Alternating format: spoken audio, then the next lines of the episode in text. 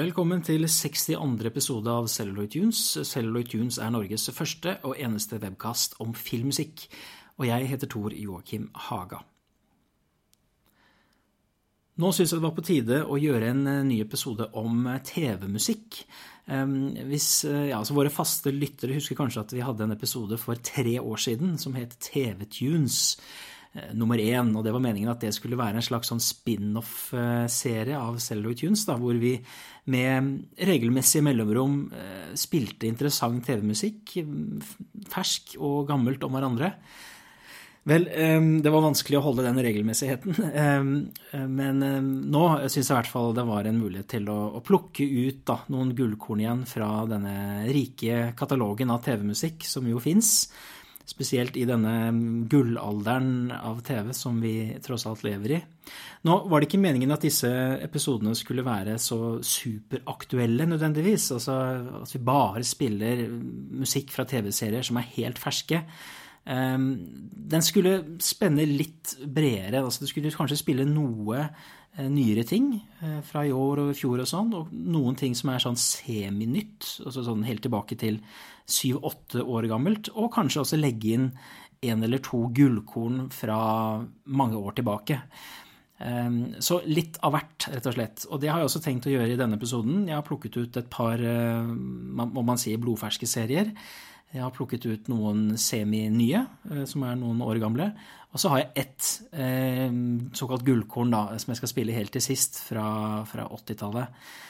Eh, så la oss bare kaste oss ut i eh, dette utvalget, som også er en slags eh, miks av eh, mer kanskje elektronisk drevne ting og symfoniske ting. Jeg liker denne kombinasjonen av, av uttrykksformer. Um, og vi starter med en av disse blodferske seriene nemlig Too Old To Die Young, som gikk på TV i sommer, altså sommeren 2019. En veldig etterlengtet serie regissert av danske Nicolas Winning Reffen. Eh, en av Danmarks fremste regissører eh, om dagen, må man si. Ehm, og ja, altså Det var høye forventninger, for Reffen har en så vanvittig uh, unik stil. Uh, veldig tydelig da, i filmene han har gjort, eh, sånn som Drive og eh, The Neon Demon og Only God Forgives. Altså en slags sånn neon-estetikk. Eh, det er dypt og mørkt, og tidvis ganske så inspirert av, av David Lynch. Og um, denne serien er da ikke noe unntak i så henseende. Um, det er da ti episoder. Uh, handler om en, uh, en politimann spilt av Miles Teller Eh, som havner i trøbbel med diverse undergrunnsmiljøer, altså Yakuza og eh, meksikanske karteller og, og, og, sånne ting. Eh, helt perfekt bolteplass for en regissør som Reffen, naturligvis. Og det er også veldig typisk han i scenesettelsen. Mange av episodene her er på spillefilmlengde på en og en halv time og ting går meget langsomt. Gjerne opptil fire-fem sekunder fire-fem sekunders pause eh, mellom hver replikkveksling. Og eh, et univers badet i neon og rødt og blått og mørke og skygger. Det er eh, veldig lett å la seg fascinere og bli oppslukt av, av, av denne serien. En av de virkelige høydepunktene i år. Og høye forventninger må det også sies å ha vært til musikken her, skrevet av Cliff Martinez. Cliff Martinez har jo da samarbeidet med Reffen på ja, disse filmene jeg nevnte i stad. Uh, på Drive og på um, Only God Forgives og The Neon Demon. Og, og tilfører på en måte Reffens neonestetikk en noen slags ja, stupmørkt, dirrende eh, synthwave-aktig uh, lydbilde. Eh, kanskje av og til blandet med sånne ståltrommer og sånne ting som er hans, hans kjennemerke. Eh, som rett og slett passer som hånd i hanske. Så det var store forventninger til hva han kunne gjøre for, eh, for, denne filmen. Nå vil jeg nok påstå at av de fire tingene de har gjort sammen, så er nok denne den minst tilgjengelige. Altså Her er det ikke så veldig mange funky riff og, og sånne ting. Dette er litt mer sånn gritty, og det er mye knotter som vris og oscillering og sånne ting som gjør at dette er et mye røffere musikalsk landskap, da, selv om vi fremdeles selvfølgelig er innenfor et elektronisk uttrykk her. Det mest upbeat-sporet på soundtracket er ikke komponert av Martinez, men av Julian Winding. Eh, som også for så vidt hadde det mest eh, funky, mørke ja, psytrance-aktige sporet på The Neon Demon, nemlig eh, sporet The Neon Demon. Men Martines musikk i seg selv er også ganske fascinerende. Fra det kjempestygge til det liksom styggvakre. Og jeg har lyst til å spille, starte denne episoden med et spor som heter Naked Guy Murder. Eh, første sporet på albumet, som også er et tema som går litt igjen i, i serien. Jeg vet ikke om det skal speile Miles Tellers uh, rollefigur, um, men dette er i hvert fall noe som har en litt mer sånn tematisk sting i seg, da, som ikke bare er ambiens, kan du si, og som er et av, av høydepunktene på, på dette soundtracket til Too Old To Die Young.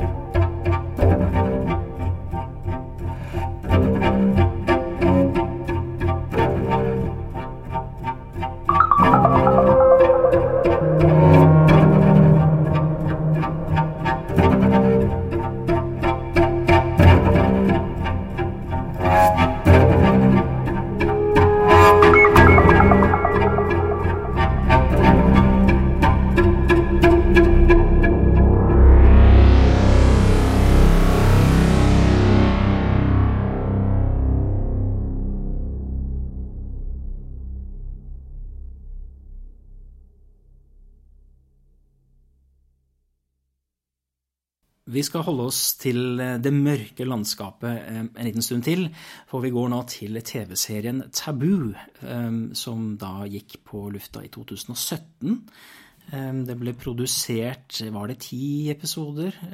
Åtte?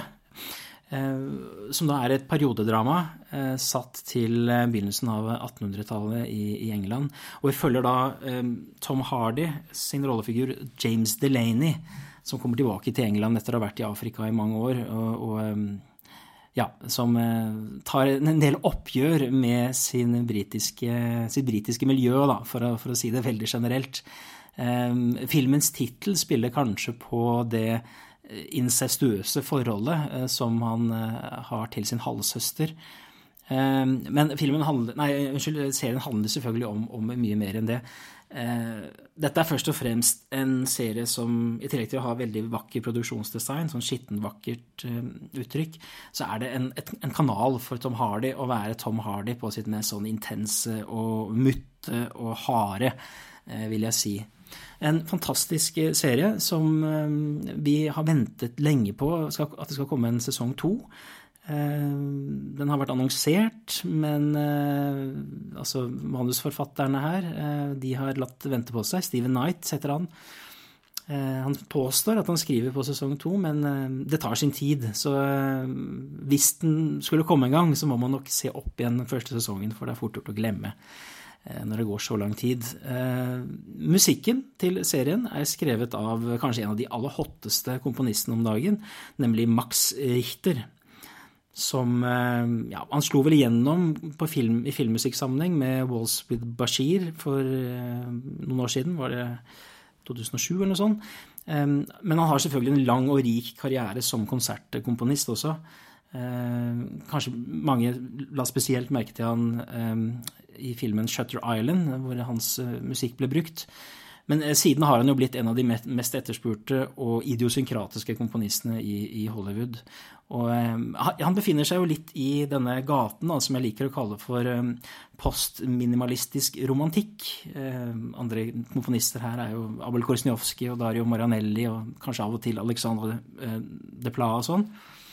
Men om det er tilfellet med tabu, det er kanskje ikke så lett å si. Jeg syns nok dette er hakket mer eksperimentelt. Det er, det er, ikke spesielt vakkert. Det er mye strykere her i det lave registeret. Kanskje for å understreke Tom Hardys intensitet, da. Men jeg syns likevel det er et av de beste TV-partiturene som er skrevet de siste par årene. Så jeg har lyst til å spille et lite utdrag fra, fra dette soundtrack også. Et spor som heter Shadows fra TV-serien Tabu.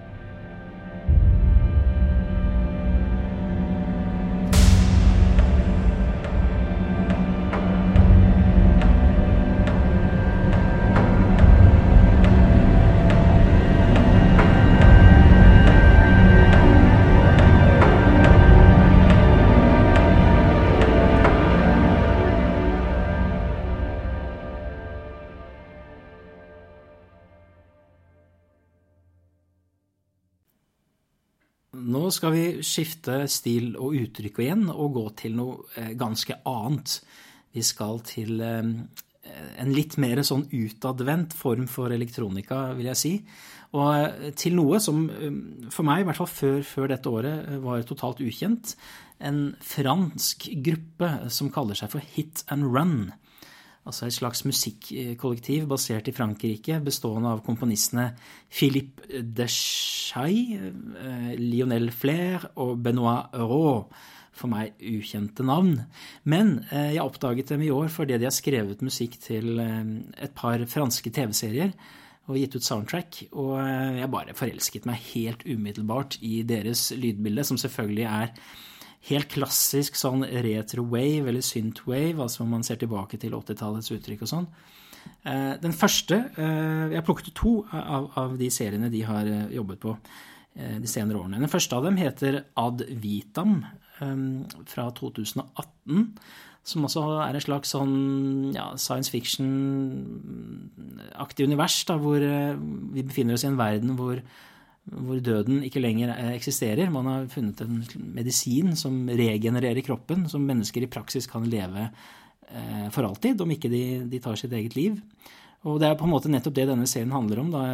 En, en etterforsker som eh, undersøker syv tenåringer som har tatt eh, livet sitt i denne verden hvor, hvor, man kan leve evig. Det høres veldig fascinerende ut. Jeg har ikke fått sett den. Den er jo ikke vist, så vidt av meg, meg bekjent i Norge eller på noen strømmetjenester, så mm, den er jeg absolutt på utkikk etter. Men musikken, helt fantastisk. Eh, det ene synthwave-høydepunktet etter det andre. Det er funky, men det er også vakkert og nennsomt og evangeliesaktig til tider. Eh, ekstremt underholdende. Eh, og det samme kan vi si med en annen serie de jobbet på de siste årene, nemlig Le Bracelet Rouge The Red Bracelets, som da er en fransk versjon av en eh, spansk eller katalansk eh, TV-serie som het Polseres Vermeyes, eller noe sånt. Som gikk på TV for noen år siden. og Denne franske versjonen gikk da på, på TV i 2018. Det handler da om noen ungdommer, seks-sju stykker, som er innlagt på, på barne- og ungdomsavdelingen på et sykehus med hver sin ulike sykdom og hver sin ulike alvorlighetsgrad av, av sykdom, og, og, om samholdet og livet og fremtidsforventninger og sånn i, i, denne gruppa. Det høres også ut som en, en, interessant serie som eh, jeg heller ikke har fått sett, verken den originale eller denne franske versjonen. Eh, jeg tror man snakker i disse dager om at man skal gjøre også en amerikansk eh, versjon. Kanskje den blir mer tilgjengelig. Eh, men eh, i hvert fall, eh, igjen helt nydelig musikk. Litt sånn Dette er jo da musikk som kanskje skal speile ungdommenes livskraft i en litt sånn mørk situasjon. Og, og er veldig sånn i denne franske elektro-psykedelia-bølgen som har vært de siste årene. Og har også en del paralleller til annen type syntmusikk, som Johnny Jewel og Disaster Piece og, og, og den type artister.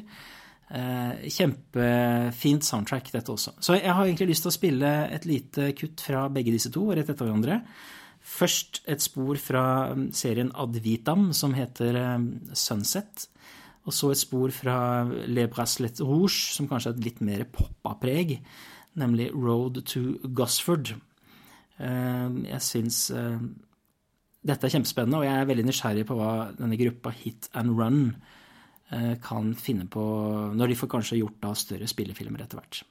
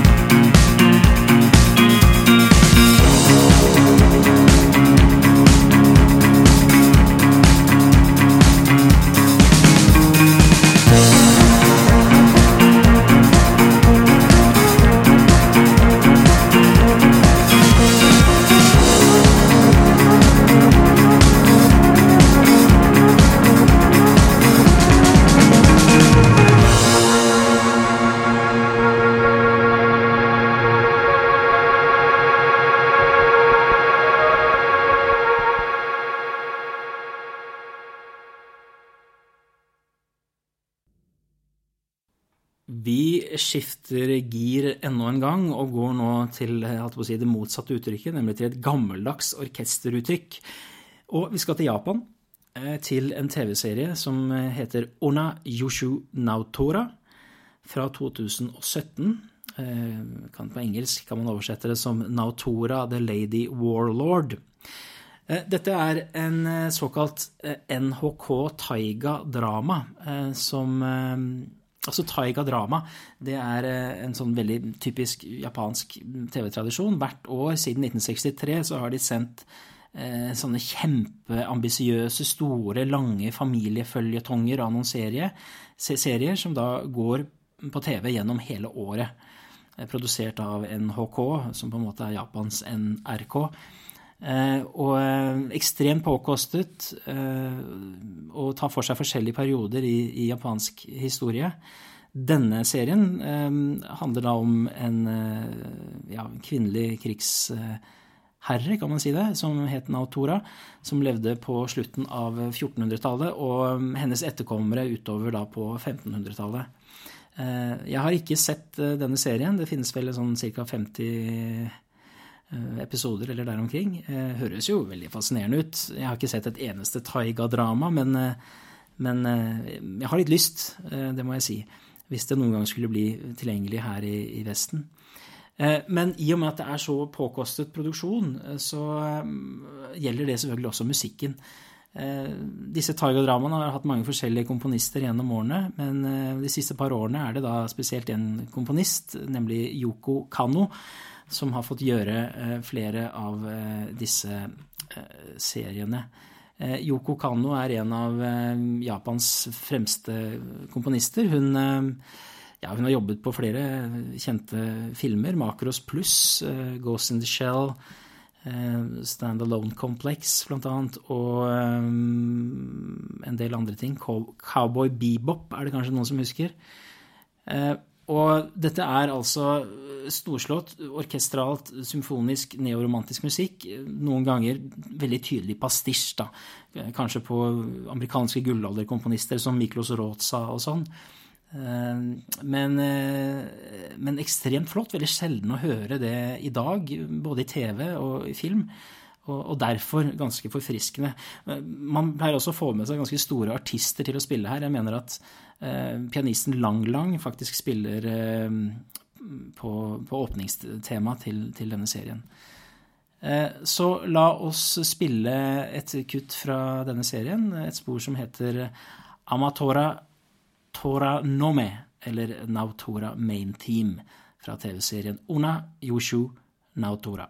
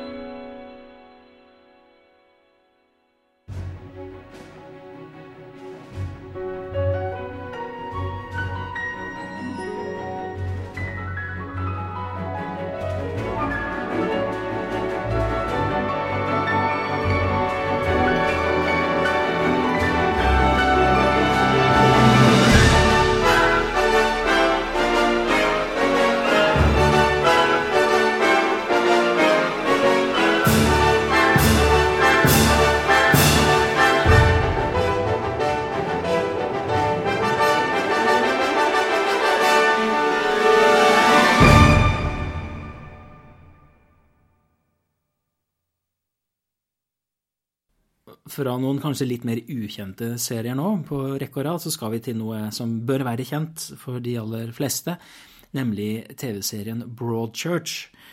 Britiske eh, krimserien som eh, vel nå har gått i tre sesonger, mellom 2013 og 2017.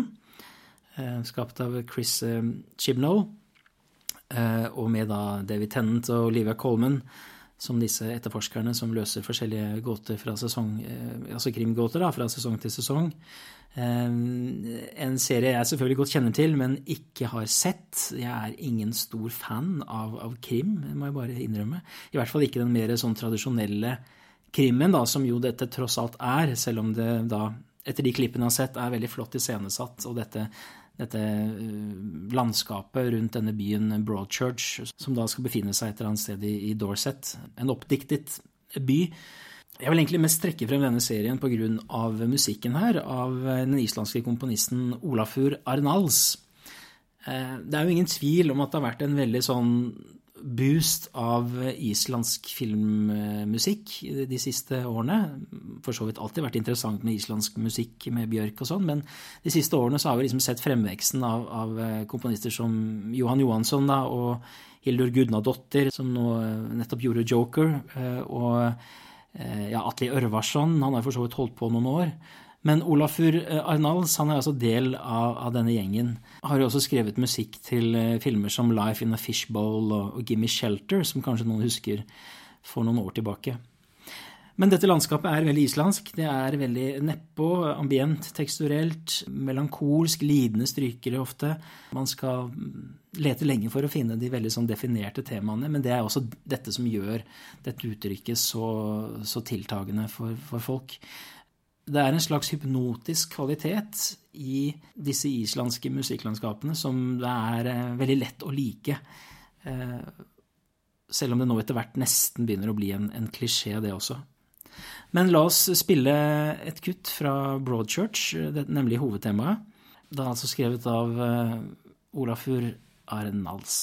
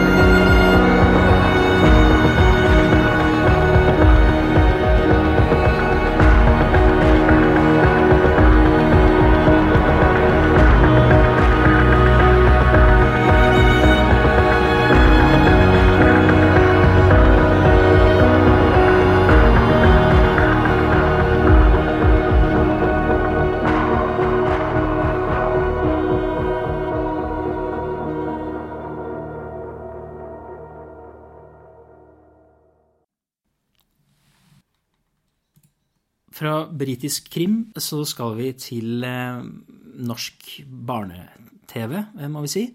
Nemlig til serien Zombielasj, som nå har gått på NRK i tre sesonger. Eh, tredje sesongen gikk vel i år, mener jeg.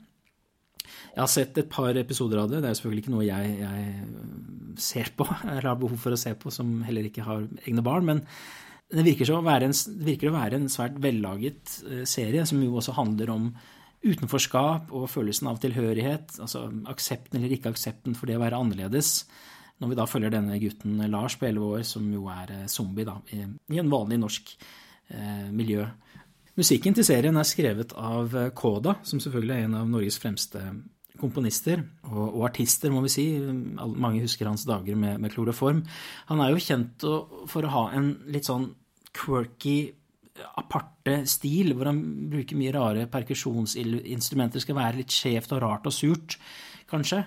Og det er det han er mest kjent for i filmsammenheng. Men for denne serien så trekker han på en helt annen tradisjon. Det er mer tilgjengelig, eh, melodisk drevet elektronika som jeg overhodet ikke trodde at Koda hadde, hadde, i seg. Eh, jeg ble mektig imponert når jeg hørte dette soundtracket da, som ble gitt ut i år. Nå skal det jo sies at dette soundtracket, eh, som er gitt ut digitalt og muligens på CD, det er eh, bearbeidede versjoner av musikken for serien. For i serien så er det bare ganske korte snutter her og der. Mens for dette albumet så har Koda gått inn og arrangert om, utvidet og lagd det til et sånt helstøpt elektronisk konseptalbum som er eh, et av årets virkelige eh, høydepunkt, synes jeg. Både film- og TV-sammenheng. Jeg må si jeg, jeg ble altså så overrasket positivt eh, når jeg, når jeg hørte denne siden av, av Koda. Så, um, så, veldig morsomt. La oss spille et av høydepunktene på dette soundtracket, nemlig sporet Detroit fra serien Zombie-Lars.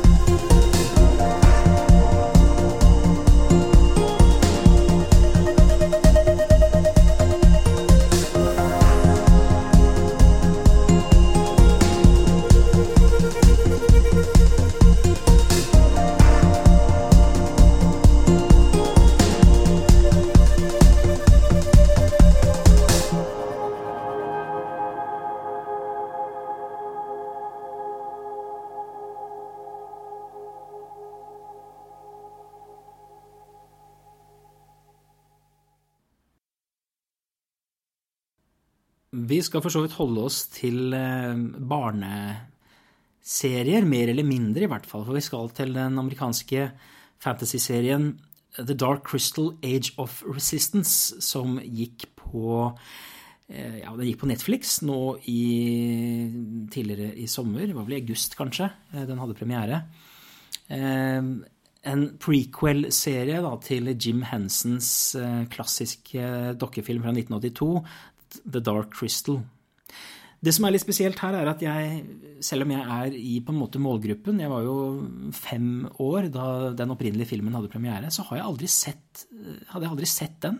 Rett og slett. Jeg hadde ikke, Av en eller annen grunn så var ikke den på radaren min under oppveksten. Eh, men jeg så den da eh, for første gang nå for noen uker siden som en slags forberedelse til denne TV-serien, og ble altså totalt blown away av hvor fantastisk den egentlig var. Eh, og Én ting er nå selve denne fantasy-historien eh, og, og, figurene som Jim Henson skapte for det, men det som først og fremst er fascinerende med denne filmen, er verdensbyggingen og tiden den bruker på å bare la oss oppleve alle de rare figurene og plantene og stedene og ja, elementene i dette universet. Altså, Jim Henson driver jo her en slags type verdensbygging flere tiår før James Cameron gjør noe lignende i eh, Avatar-filmene. Altså en slags sånn form for opplevelsesorientert filmskaping som jeg er veldig, veldig svak for, må jeg si. Så den filmen elsket jeg.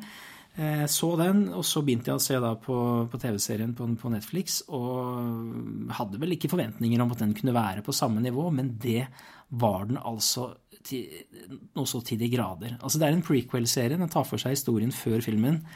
Men her har også disse menneskene bak denne serien klart å gjenskape estetikken fra den originale filmen i så stor grad. Det er tangibelt, håndfast, det er bygde sett.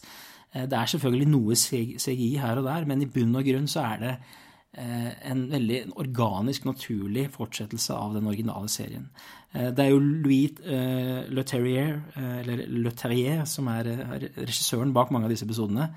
En regissør som kanskje er mest kjent som actionfilmskaper. Den hadde jo denne Hulk-filmen, blant annet. Men her har virkelig alle talentene kommet sammen og feiret seg selv, altså. Mektig, mektig imponert. Veldig mørk serie eh, egentlig altfor mørk for de aller yngste. Det gjør den også så bra og, og, og ektefølt på mange måter. Eh, jeg kunne snakket en del om, om eh, TV-serien som sådan. Ti episoder eller noe sånt ble vel produsert her også. Og eh, vi får se om det kommer en sesong to. Eh, musikken er skrevet av Daniel Pemberton som har virkelig også blitt en sånn rising star de siste årene da jobbet på ja, film som The Counselor av Ridley Scott og Steve Jobs og The Man from Uncle, Oceans 8, eh, for å trekke frem noen av hans beste verk. Eh, en ung fyr som virkelig har eh, ikke bare imponert med musikken han har gjort ofte, men også med eh, den utrolige variasjonen da, i uttrykk eh, han har lekt seg med. Så det var for så vidt et godt valg. Eh, mange var jo nysgjerrige på om det skulle bli noen referanser her til Trevor Jones sin musikk for originalfilmen. Og eh, vel, det er det vel et par steder, så refererer man til Jones sitt hovedtema fra The Dark Crystal. Men ellers er det eh, originalskrevet musikk alt sammen. Jeg må nok kanskje si at som helhet så er musikken litt sånn variabel i kvalitet. Det som er litt negativt her, er at det er en del lengre segmenter som er ganske sånn formulaiske. Følger en del sånne repetitive sjangerformularer med mye rytmiske figurer og ikke sånn all verdens spennende. Han har jo fått med seg en annen komponist der også, som heter Samuel Sims, så jeg vet ikke helt hvem som har skrevet hva. Men, men det beste eh, ved dette soundtracket er jo de gangene Daniel Pemberton da enten kan gå sånn all out fantasy orkestralt, eh, eller leke seg med middelalderinstrumentering og sånn, da føler jeg at eh, han er virkelig inne på noe. Ehm, nå har han gitt ut to soundtracks her, volum 1 og volum 2, og begge er kjempelange, så det er altfor mye musikk. Han burde ha tatt og kokt dette ned til en, et konsist album på 50 minutter. Da tror jeg eh, musikken på albumet hadde fått eh, skinne mye mer hvis han hadde vært litt mer sånn eh, Hva heter det? bevisst i sin kuratering av utvalget og presentasjonen. Men for all del, det kan man jo gjøre selv. Man kan lage, lage spillelister ut av alt dette materialet han har gitt ut. Jeg vil nå spille det første sporet på den første volumet, nemlig The Dark Crystal Age of Resistance.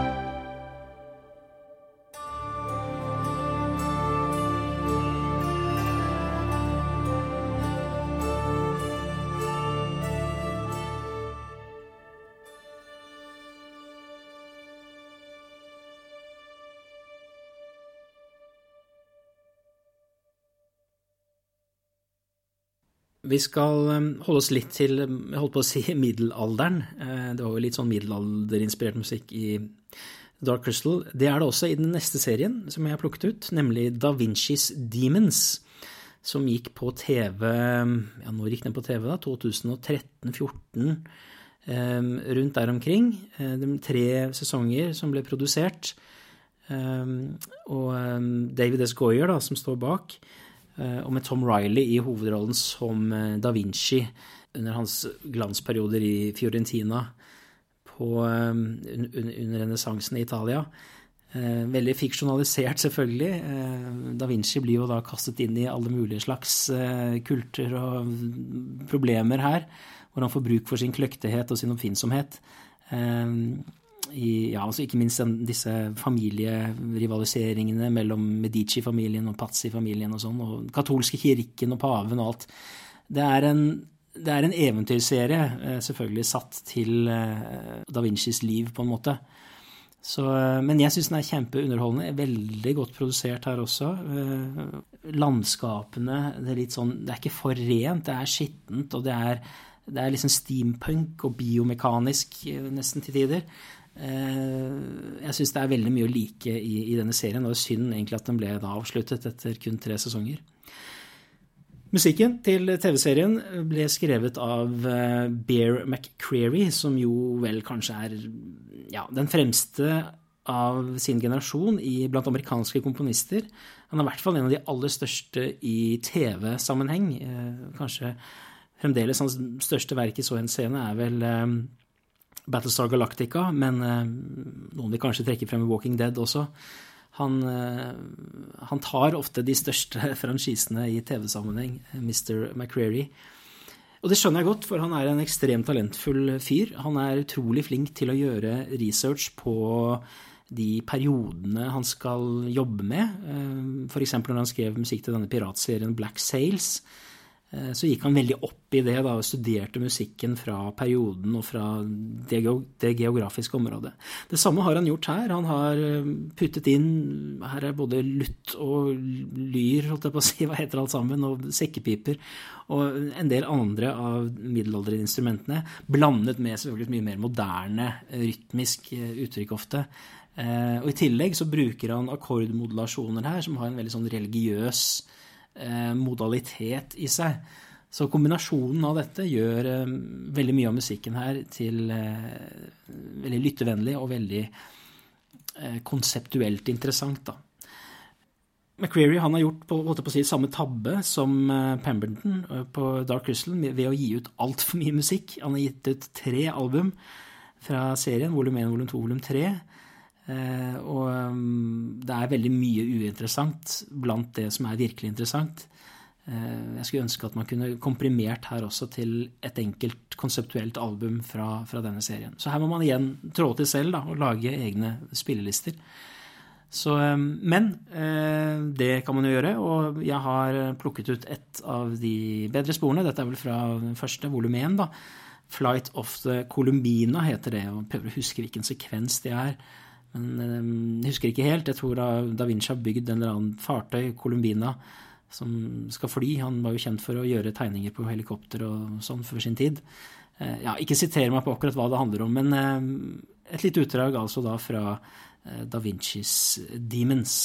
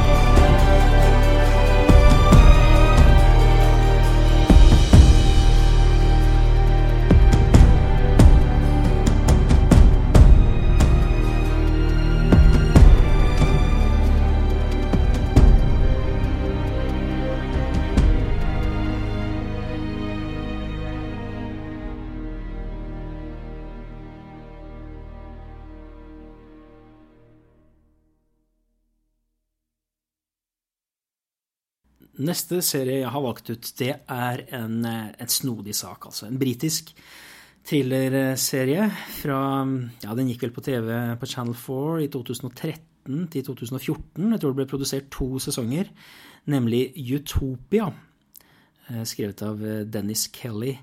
Eh, som jo er en dystopisk fremtidsfabel av en serie. Tar for seg et samfunn i nær fremtid da, hvor det finnes noen sånne manuskripter, noen dokumenter, som visstnok kan forutse uh, ulike katastrofer som kan ramme jorda.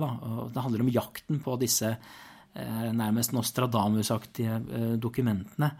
Um, men her er, det er altså en ekstremt, på den ene siden veldig mørk serie. Det er en, en organisasjon her som kaller seg The Network, som i sin jakt på disse dokumentene sender ut folk til å drepe Gud og hvermann, barn og kvinner og gamle og alt mulig rart. En fantastisk eh, rolleprestasjon her av, Neil Maskell som en av disse mm, morderne.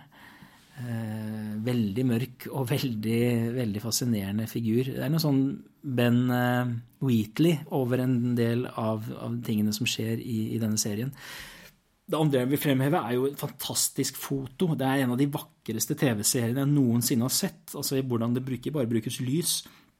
Men alle utsnittene man velger ut, ekstremt sånn geometrisk, symmetriske eh, utsnitt. Eh, ofte ganske sånn enkelt, uten for mye rot og tøys. Et kameraene står ofte stille lenge. Fantastisk foto. Eh, jeg lurer på om det er en nordmann som har vært med å fotografere fotografere en episode her som heter Ole Bratt Birkeland. Uh, uansett, virkelig sterk anbefaling uh, om man liker uh, serier om mørke ting iscenesatt på vakre måter. Musikken til serien er skrevet av en fyr som heter Cristobal Tapia de Vere. Som da født i Chile, men som vel har bodd i Canada i mange år. En av de mest originale komponistene, vil jeg si, i år. Nei, i år, sier jeg Eh, om, om, dagen, både i TV- og filmsammenheng. Han, eh, han er sånn typisk postmoderne komponist med modernistisk innfallsvinkel, om det er mulig å si. altså Hvor han trekker fra alle mulige slags inspirasjonskilder. altså Litt pop og elektronika og klassisk og opera, og blander det sammen til en sånn sær og rar, rart lydbilde som jeg egentlig ikke har hørt før eller siden. Veldig lekent, nesten sånn humoristisk. Syrlig, ekstremt syrlig sound i det aller meste han gjør. Um, og den forrige TV-episoden som vi gjorde, TV-Tunes, så spilte jeg et utdrag fra musikken hans i TV-serien Humans. Denne serien om disse robotene uh, i hverdagslivet, hadde jeg nær sagt. Uh, basert på den svenske serien Ekta mennesker. Eh, men eh, hans musikk for Utopia er kanskje enda særere og enda rarere. Eh, den må rett og slett bare, høres for å, bli trodd. Så, men la oss spille et spor derfra. Dette er sporet The Moaning Pyramid fra Utopia.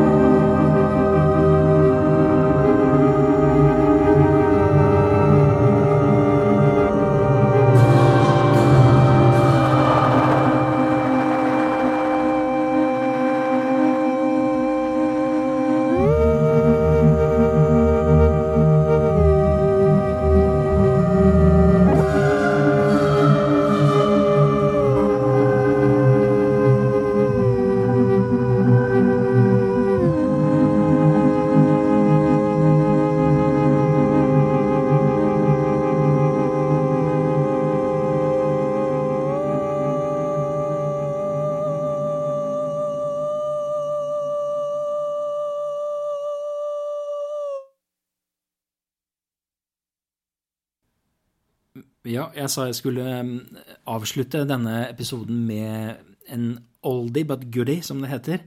Et gullkorn fra ja, noen tiår tilbake, da. Eh, og um, da har jeg rett og slett valgt ut en fransk animasjonsserie som jeg tror veldig mange eh, på min alder kjenner til. Den heter da Le Monde, eh, Le Mondes Englouti på fransk, men eh, i Norge så fikk den navnet Arkadia, Reisen til jordas indre, eller som den da etter hvert ble kjent for på folkemunne, eh, Shagma.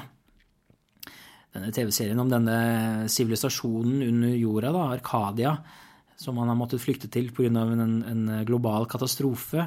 Eh, Shagma er en sånn kunstig sol eh, i midten av, av, av, byen der, og mm, den er i ferd med å dø, så da sender man ut noen, noen folk som skal finne en kur. En veldig populær TV-serie som ble vist på frokost-TV på NRK på 1980-tallet, på fransk.